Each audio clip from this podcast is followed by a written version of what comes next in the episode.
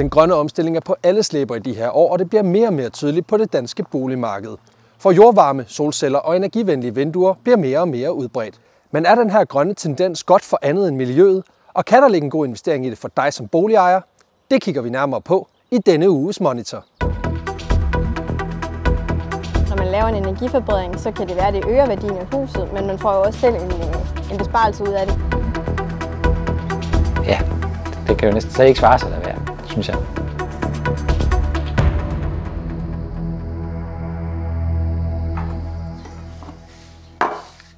Skulle vi have et æg?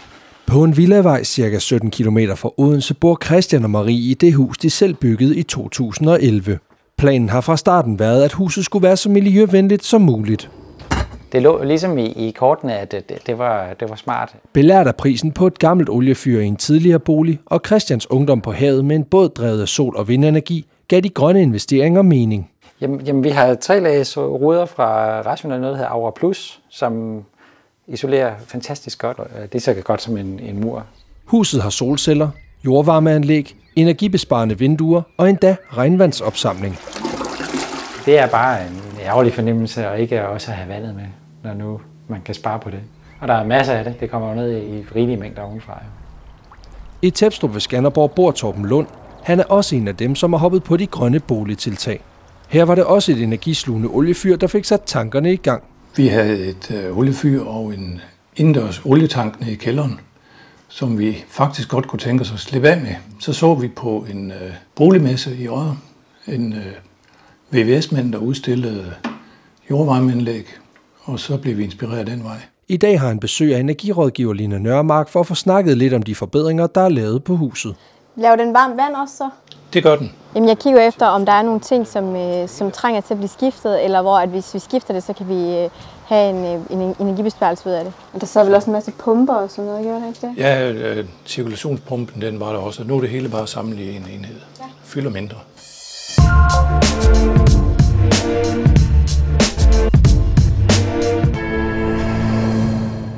Torben og Christian er langt fra de eneste, der har kastet sig ud i grønne boligforbedringer. Hvert år laver 10.000 vis af danskere energirenoveringer, og interessen for det gode energimærke og den besparelse, der ofte følger med, er stigende. Der er stor forskel, og der er en klar sammenhæng.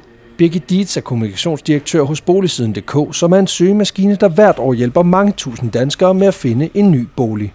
I en undersøgelse, de har lavet blandt deres brugere, svarer 68 procent, at de aktivt leder efter et hus med et godt energimærke og et lavt energiforbrug. Om der er ingen tvivl om, at det betyder mere og mere og mere. Og øh, når man ser på det, hvis man kan få et køberbevis hos sit pengeinstitut, og man kan købe et hus til 2 millioner kroner, jamen så er det jo ikke lige meget, om det er 2 millioner for boligen, og så et A-hus, altså et, et hus med et energimærke A, eller om det er 2 millioner, så et hus med et energimærke G, fordi det betyder noget for en løbende udgift. Men energimærkningen har endnu ikke overhældet de ting, folk normalt leder efter. Der er ikke nogen markant stigning.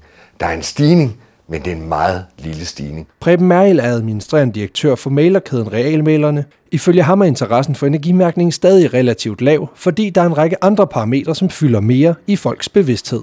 Det er postnummeret, man søger efter. Det er vejen, man søger efter. Det er nummer et. Nummer to, det er prisen.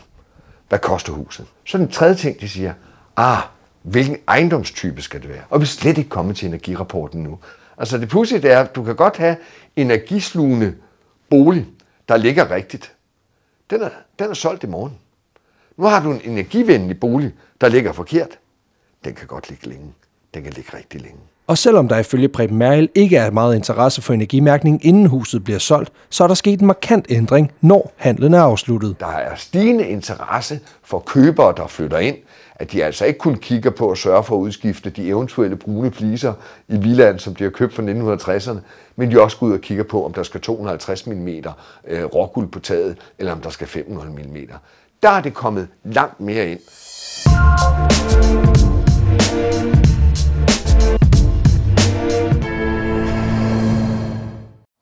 Energimærkningen betyder rigtig meget for de løbende udgifter på dit hus. Har du eksempelvis et hus med et lidt dårligere energimærke, vil det ofte koste mere at varme huset op, og derfor kan det være en god idé med en lidt større investering for på sigt at sænke de løbende udgifter. Grundlæggende set, så øh, er energiforbedringer en af de mest oplagte eksempler til at få en bedre økonomi i dit hus, for det at du får pengene meget hurtigt tilbage, og det er ikke tilbage ved en salgsstation, det er tilbage til køber selv, som bor i huset. Han får det tilbage i år 1, og i år 2, og i år 3, og lige så længe han bor der. Altså hele græsarealet her er faktisk udnyttet til det. Der er alt i alt omkring 400 meter slange, der er gravet ned. For Torben Lund betød skiftet fra det gamle oliefyr til jordvarmeanlæg en investering på omkring 140.000 kroner. En investering uden garanti for gevinst.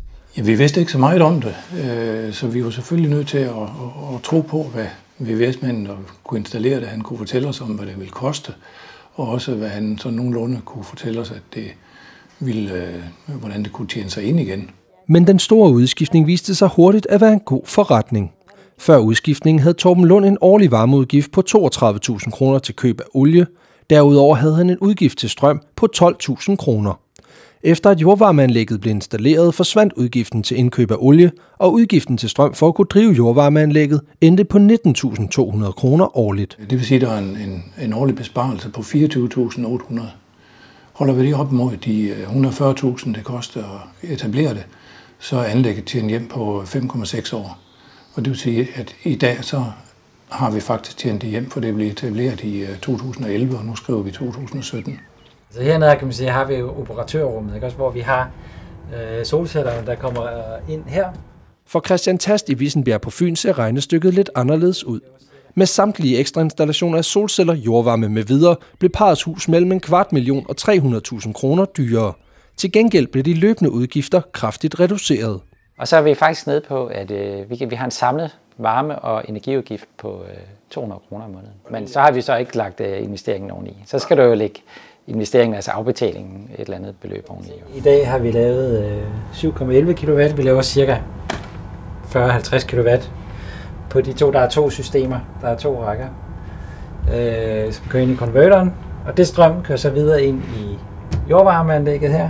Fælles for en lang række af de investeringer, man kan foretage sig i forbindelse med en energiforbedring, er, at etableringsomkostningerne ofte er høje, hvilket kan skræmme mange. Det skræmte dog hverken Christian Tast eller Torben Lund. Jeg havde selv pengene stående i den her sammenhæng, så, så det var ikke det store problem, men jeg kan jo se nu her bagefter, at selv hvis jeg skulle have været ude at låne pengene, så kunne det jo godt have betalt sig, fordi det allerede har tjent sig ind på nuværende tidspunkt. Det vil jo altid være et spørgsmål om et Excel-ark. Det vil jo altid være et spørgsmål om, hvornår på linjen bliver det udlignet. Men man skal selvfølgelig tænke over, at det vi er i gang med at gøre nu, at er det nu det rigtige? Er det nu det, vi skal gøre først? For det kunne jo være, at der var noget andet, som var en, en, en bedre investering. Line Nørmark er energirådgiver og hjælper til daglig boligejere med at energioptimere deres hjem. Ifølge hende er der flere gode grunde til at lave en energiforbedring, ud over hvad det kan gøre for din pengepunkt. For nogen, der giver det rigtig god mening øh, at, at få reduceret sine varmeudgifter. Der er også mange, hvorfor at det er æstetikken. Altså man skal alligevel ud og have lavet en renovering. Det kan være, at ens vinduer begynder at trænge, eller ens øh, øh facade trænger til at blive, blive renoveret. Så kan man lige så godt tænke de her ting ind samtidig. Øh, og for nogle er det ren komfort. Det kan være alt fra, at man næsten ikke kan holde varmen, eller øh, indeklimaet, at man, ventilationen eller luften jo i huset ikke er godt nok. Og selvom det kan være svært at komme med generelle råd til gode investeringer, fordi alle huse er forskellige, er der alligevel to steder, hvor man ofte kan hente penge, hvis man ikke i forvejen har et godt energimærke. Jamen det er jo efterisolering, især af vores vægge og vores lofter, øh, og måske også gulvene. Men øh, der er også rigtig mange, der har nogle varmeanlæg, der faktisk ikke kører optimalt, hvor at en, en, en simpel indregulering eller renovering af varmeanlæg faktisk også giver en rigtig god besparelse. Det kan være alt fra 2.000 til 25.000 kroner om året, man, man kan spare i sine energiudgifter. Det afhænger selvfølgelig af, hvad ens udgifter er i dag.